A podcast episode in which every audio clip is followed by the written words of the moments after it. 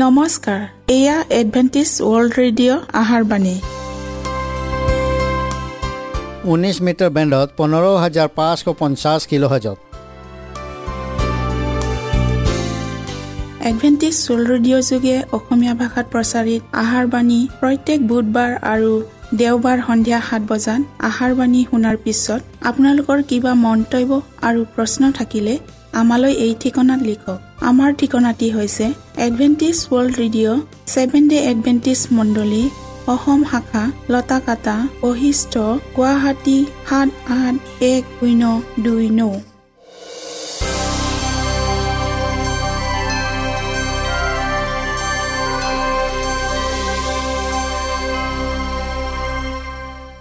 প্ৰিয় শ্ৰোতা বন্ধুসকল এতিয়া শুনো আহক এটি খ্ৰীষ্টীয় ধৰ্মীয় গীত।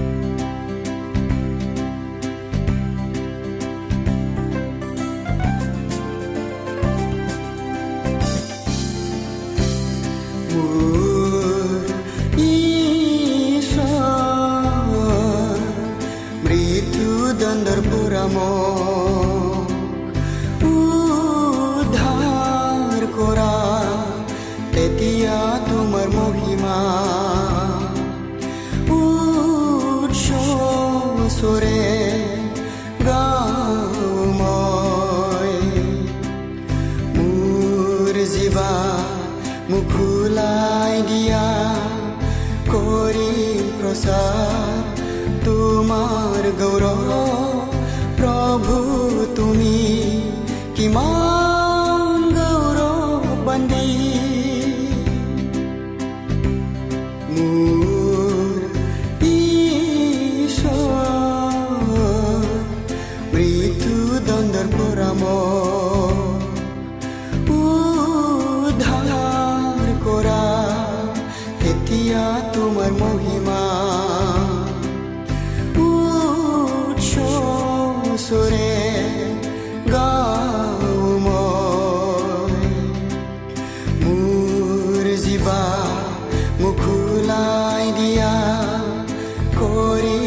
প্ৰচাৰ তোমাৰ গৌৰৱ প্ৰভু তুমি কিমান গৌৰৱ বান্ধি মোৰ ঈশ্বৰ মৃত্যুদণ্ডৰ পৰা মোক উদ্ধাৰ কৰা তেতিয়া তোমাৰ মহিমা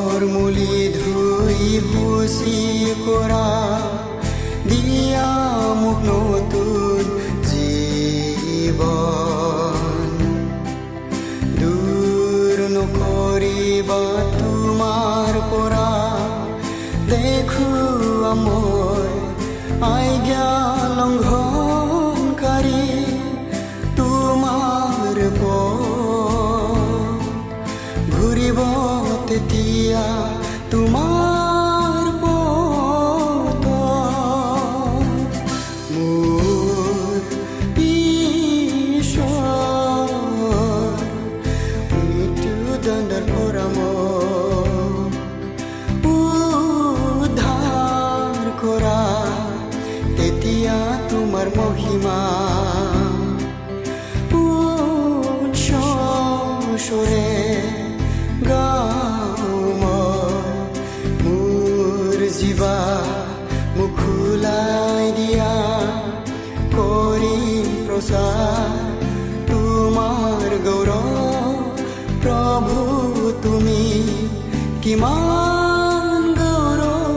গৌৰৱ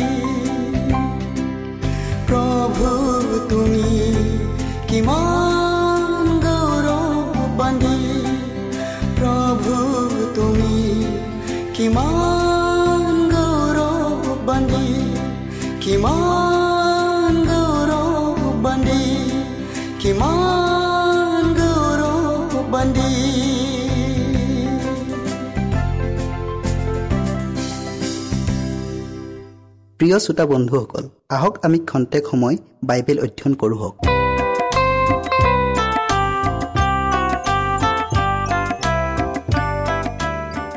প্ৰিয় শ্ৰোতাসকল আজি আমি সংস্কাৰৰ এটা কাৰ্য এই বিশেষ বিষয়টো অধ্যয়ন কৰোঁ হওক। অধ্যয়ন কৰাৰ আগতে আমি প্ৰাৰ্থনা কৰোঁ হওক।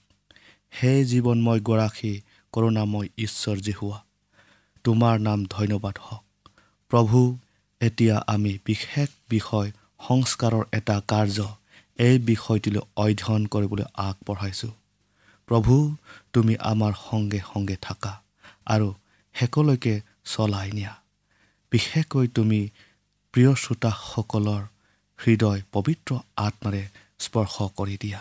এই চুটি যাচনা ত্ৰাণকৰ্তা যীশুৰ নামত খুজিলোঁ। আমেন। শেষ দিনত বিশ্ৰাম দিন পালন কৰাত যে এটা সংস্কাৰৰ কাৰ্য কৰিব লাগিব। তাক যিচয়া ভাৱবাণীত ভৱিষ্যবাণী কৰি থোৱা হৈছে।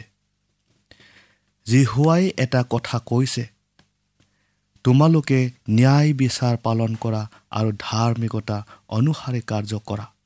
কিয়নো মোৰ পৰিত্ৰাণৰ আগমন আৰু মোৰ ধাৰ্মিকতাৰ প্ৰকাশ ওচৰ।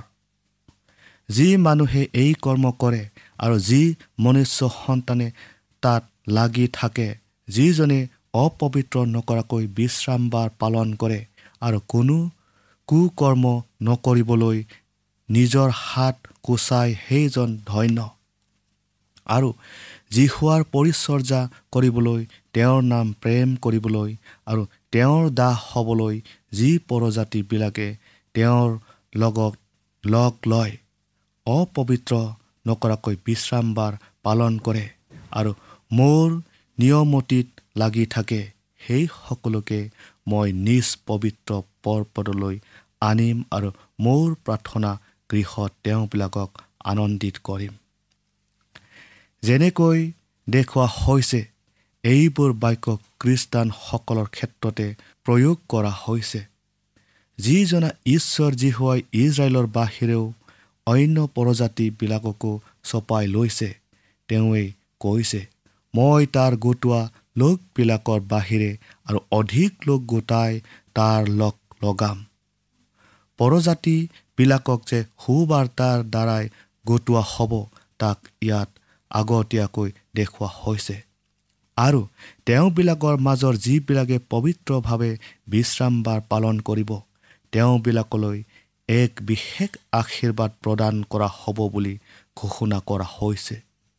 এনেকৈয়ে চতুৰ্থ আজ্ঞাটোক পালন কৰাটো যে অত্যন্ত জৰুৰী সেইবাবে ইয়াক অতীতৰ পৰা ক্ৰুচবিদ সময়লৈ তাৰ পৰা পুনৰুত্থিত সময়লৈ আৰু তাৰ পৰা খ্ৰীষ্টৰ স্বৰ্গৰোহণৰ সময়লৈ আৰু তাৰ পৰা তেওঁৰ দাসসকলে সকলো জাতি ফৈত আৰু ভাষাৰ মানুহবিলাকৰ মাজত আনন্দৰ শুভবাৰ্তা প্ৰচাৰ কৰা সময়লৈকে প্ৰচাৰ কৰি থকা হৈছে। সেই একেগৰাকী ভাৱবাদীৰ দ্বাৰাই ঈশ্বৰ জীশুৱাই আদেশ কৰিছে। তুমি সাক্ষৰ কথাখিনি বন্ধ কৰা। মোৰ শিষ্যবিলাকৰ অন্তৰত ব্যৱস্থা মোহৰ মাৰি থোৱা। যিচয়া আঠ অধ্যায়ৰ ষোল্ল পদত ঈশ্বৰৰ বিধান মোহৰটোক চতুৰ্থ আজ্ঞাত বিচাৰি পোৱা যায়। সেই দহটা আজ্ঞাৰ মাত্ৰ এই চতুৰ্থ আজ্ঞাটোৱে বিধান দিওঁতা জনাৰ নাম আৰু তেওঁৰ উপাধি বা ফৈত স্বত্বটোক দেখুৱায়। এই আজ্ঞাটোৱে তেওঁৰ স্বৰ্গ আৰু পৃথিৱীৰ সৃষ্টিকৰ্তা বুলি ঘোষণা কৰিছে আৰু এইদৰে তেওঁ যে সকলোতকৈ ওপৰত শ্ৰদ্ধা ভক্তি আৰু সেৱা উপাসনা পোৱাৰ যোগ্য জনা তাক দেখুৱাইছে।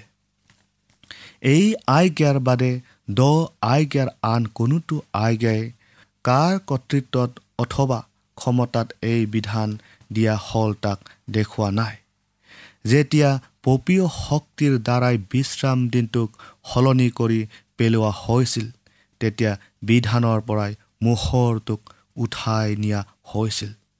যীশুৰ শিষ্যসকলক আহ্বান কৰা হৈছে যাতে তেওঁবিলাকে চতুৰ্থ আজ্ঞাৰ বিশ্ৰাম দিনটোক পালন কৰাৰ দ্বাৰাই এই আজ্ঞাটো যে সৃষ্টিকৰ্তাজনৰ সৃষ্টি শক্তিৰ স্মৃতি চিহ্ন আৰু তেওঁৰ ক্ষমতা আৰু স্বত্বৰ এটা চিন হিচাপে ইয়াৰ প্ৰকৃত অৱস্থানত স্থাপন কৰিব পাৰে আৰু মহত্বক পুনৰুদ্ধাৰ কৰিব পাৰে। ব্যৱস্থা আৰু সাক্ষ্য অনুযায়ী অনেক বিতৰ্কিত ধৰ্মতত্ত্ব আৰু মতামত অথবা মতবাদৰ মাজত ঈশ্বৰৰ বিধানে একমাত্ৰ নিৰ্ভৰযোগ্য আৰু নিৰ্ভুল মাপকাঠি যাৰ দ্বাৰাই সকলো প্ৰকাৰৰ মন্তব্য ধৰ্মতত্ত্ব আৰু মতবাদসমূহক পৰীক্ষা কৰি চাব পৰা যায়। ভাৱবাদীগৰাকীয়ে এইদৰে কৈছে এই বাক্য অনুসাৰে যদি তেওঁবিলাকে নকয় তেন্তে ইয়াৰ কাৰণ হ'ল তেওঁবিলাকত কোনো পোহৰ নাই। যিচয়া আঠ অধ্যায়ৰ বিছ পদত শ্ৰোতাসকল আকৌ এইদৰে আদেশ দিয়া হৈছে তুমি মুক্ত কণ্ঠে প্ৰচাৰ কৰা ৰৈ নাথাকিবা শিঙাৰ নিচিনাকৈ উচ্চ ধ্বনি কৰা মোৰ প্ৰজাবিলাকৰ আগত তেওঁবিলাকৰ অধৰ্ম আৰু জাকুবৰ বংশৰ আগত তেওঁবিলাকৰ পাপবোৰ প্ৰকাশ কৰা তথাপি তেওঁবিলাকে মোকেই দিনে দিনে বিচাৰে আৰু মোৰ পথৰ বিষয়ে জানিবলৈ ভাল পায় আৰু ধৰ্ম স্থাপন কৰা নিজৰ নিজ ঈশ্বৰৰ বিধি ত্যাগ নকৰা জাতিৰ নিচিনাকৈ তেওঁবিলাকে ধৰ্মৰ বিধিবোৰ মোৰ পৰা খোজে আৰু ঈশ্বৰৰ ওচৰলৈ চাপিবলৈ ভাল পায়। ইয়াত এনে এটা শ্ৰেণীৰ মানুহৰ দৃশ্য দাঙি ধৰা হৈছে যিবিলাকে নিজকে ধাৰ্মিক বুলি নিজে ভাবি লয় আৰু ঈশ্বৰৰ কাৰ্যৰ বৰ আগৰণুৱা আৰু অতি উৎসাহী বুলি দেখুৱাব খোজে। কিন্তু অন্তৰ আৰু হৃদয়লৈ দৃষ্টি দিব পৰা জনাই তেওঁবিলাকক ঐশ্বৰিক বিধান ভৰিৰে লতিয়াই উলংঘন কৰা বুলি কঠোৰভাৱে তিৰস্কাৰ কৰিছে। এইদৰে ভাৱবাদী গৰাকীয়ে সেই বিধিবোৰক আঙুলিয়াই দিছিল যিবোৰ বিধিক পালন কৰিবলৈ এৰিছিল। তোমাৰ বংশৰ লোকে বহুকালৰ পৰা উচ্ছন্ন হৈ থকা ঠাইবোৰ পুনৰাই নিৰ্মাণ কৰিব। আৰু তুমি অনেক পুৰুষীয়া ভিত্তিমূল স্থাপন কৰিবা। তুমি ভগা চিগা কৰোতা আৰু দেহ নিবাসৰ নিমিত্তে পদ যুগুত কৰোতা বুলি প্ৰত্যাশ হ'বা। যদি তুমি মোৰ পবিত্ৰ দিনা তোমাৰ কাৰ্য নকৰিবা বিশ্ৰাম দিনৰ পৰা তোমাৰ ভৰি আঁতৰোৱা আৰু যদি বিশ্ৰাম বাৰক সুখদায়ক আৰু জিহুৱাৰ পবিত্ৰ দিনক মাননীয় বুলি কোৱা আৰু তোমাৰ নিজ কাৰ্য সিদ্ধ নকৰি তোমাৰ অবিলাসীত চেষ্টা নকৰি আৰু নিজৰ কথা নকৈ তাক মান্য কৰা তেন্তে তুমি জিহুৱাত সুখী হ'বা। এই ভাৱবাণীটোও আমাৰ দিনৰ বাবে প্ৰয়োজক যেতিয়া ৰোমান ক্ষমতাৰ দ্বাৰাই বিশ্ৰাম দিন সলনি কৰা হৈছিল তেতিয়াই ঈশ্বৰৰ বিধানত এটা প্ৰকাণ্ড পোতা কৰি পেলোৱা হৈছিল। কিন্তু এতিয়া সময় আহিল আমি যেন সেই ঐশ্বৰিক অনুষ্ঠানটোক পুনৰ নিৰ্মাণ কৰোঁ। সেই পোতাটোক মেৰামতি কৰিবৰ হ'ল আৰু অনেক পুৰুষীয়া ভিত্তিমূলটোক স্থাপন কৰিব লাগিব। প্ৰিয় শ্ৰোতাসকল স্বয়ং সৃষ্টিকৰ্তাজনাই জিৰণি লোৱা আৰু আশীৰ্বাদ কৰা বিশ্ৰাম দিনটোক পবিত্ৰ এডেন উদ্যানত নিষ্কলুষ আদমে পালন কৰিছিল। পাপত পতীত অথচ অনুতাপিত আদমক সেই আনন্দদায়ক ভূ সম্পত্তিৰ পৰা উলিয়াই দিয়া হৈছিল। তথাপি তেওঁ বিশ্ৰাম দিন পালন কৰিবলৈ এৰা নাছিল। তেওঁৰ সকলো বংশধৰসকলে ইয়াক পালন কৰিছিল।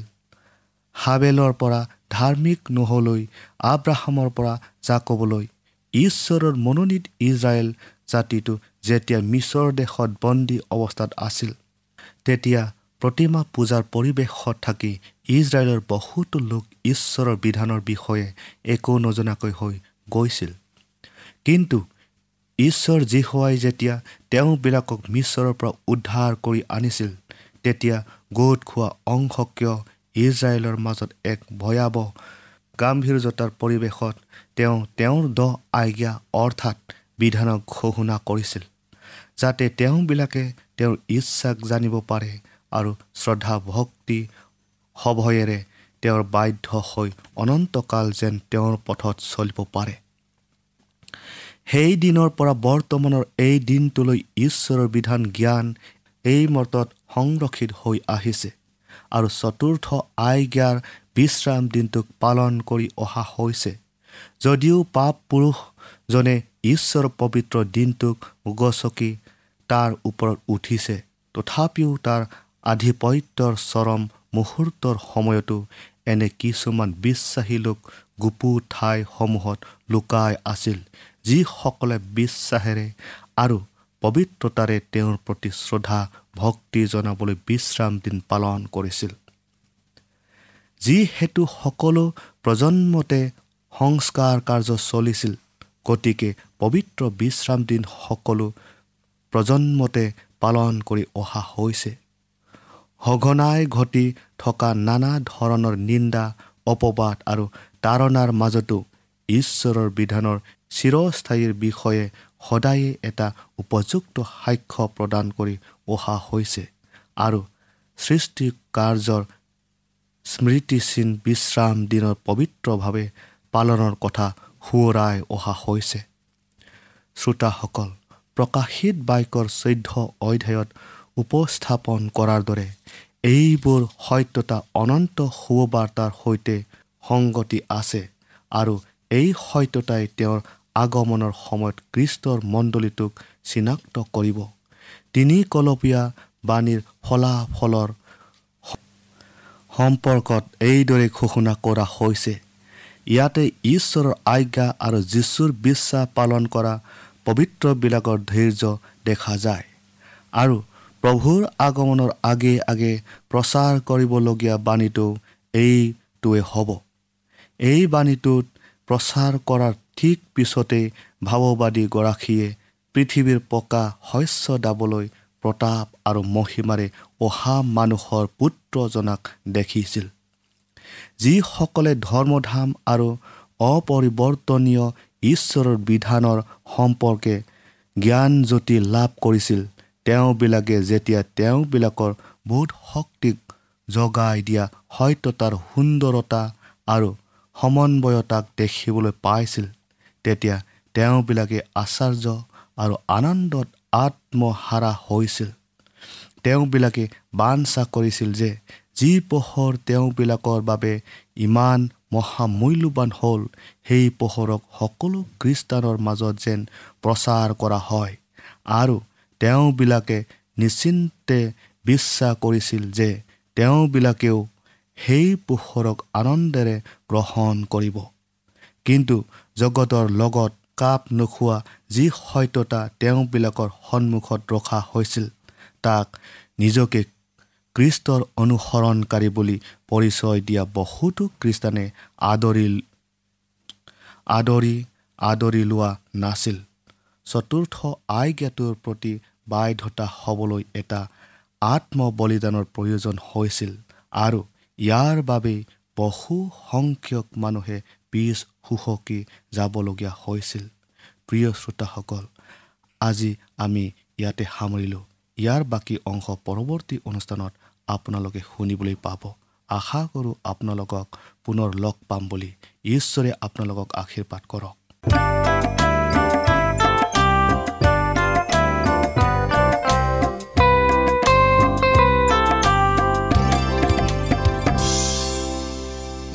আমি বাইবেল অধ্যয়ন কৰিলোঁ। এতিয়া আকৌ শুনো আহক এটি খ্ৰীষ্টীয় ধৰ্মীয় গীত।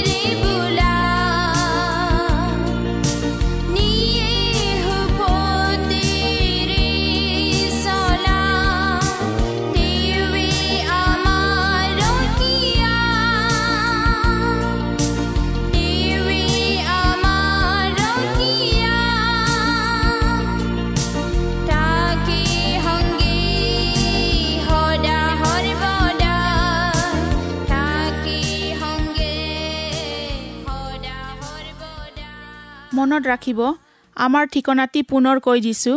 Adventist world radio' Assam region of seven day Adventist voice of hope Latakata Basistha Guwahati seven eight one zero' two nine প্ৰিয় শ্ৰোতা বন্ধুসকল এডভেণ্টিজ ৱৰ্ল্ড ৰেডিঅ' যোগে আহাৰবাণী প্ৰচাৰত আপোনালোকক পুনৰ লগ পোৱাৰ আহাৰে আজিলৈ সামৰিলোঁ। ধন্যবাদ।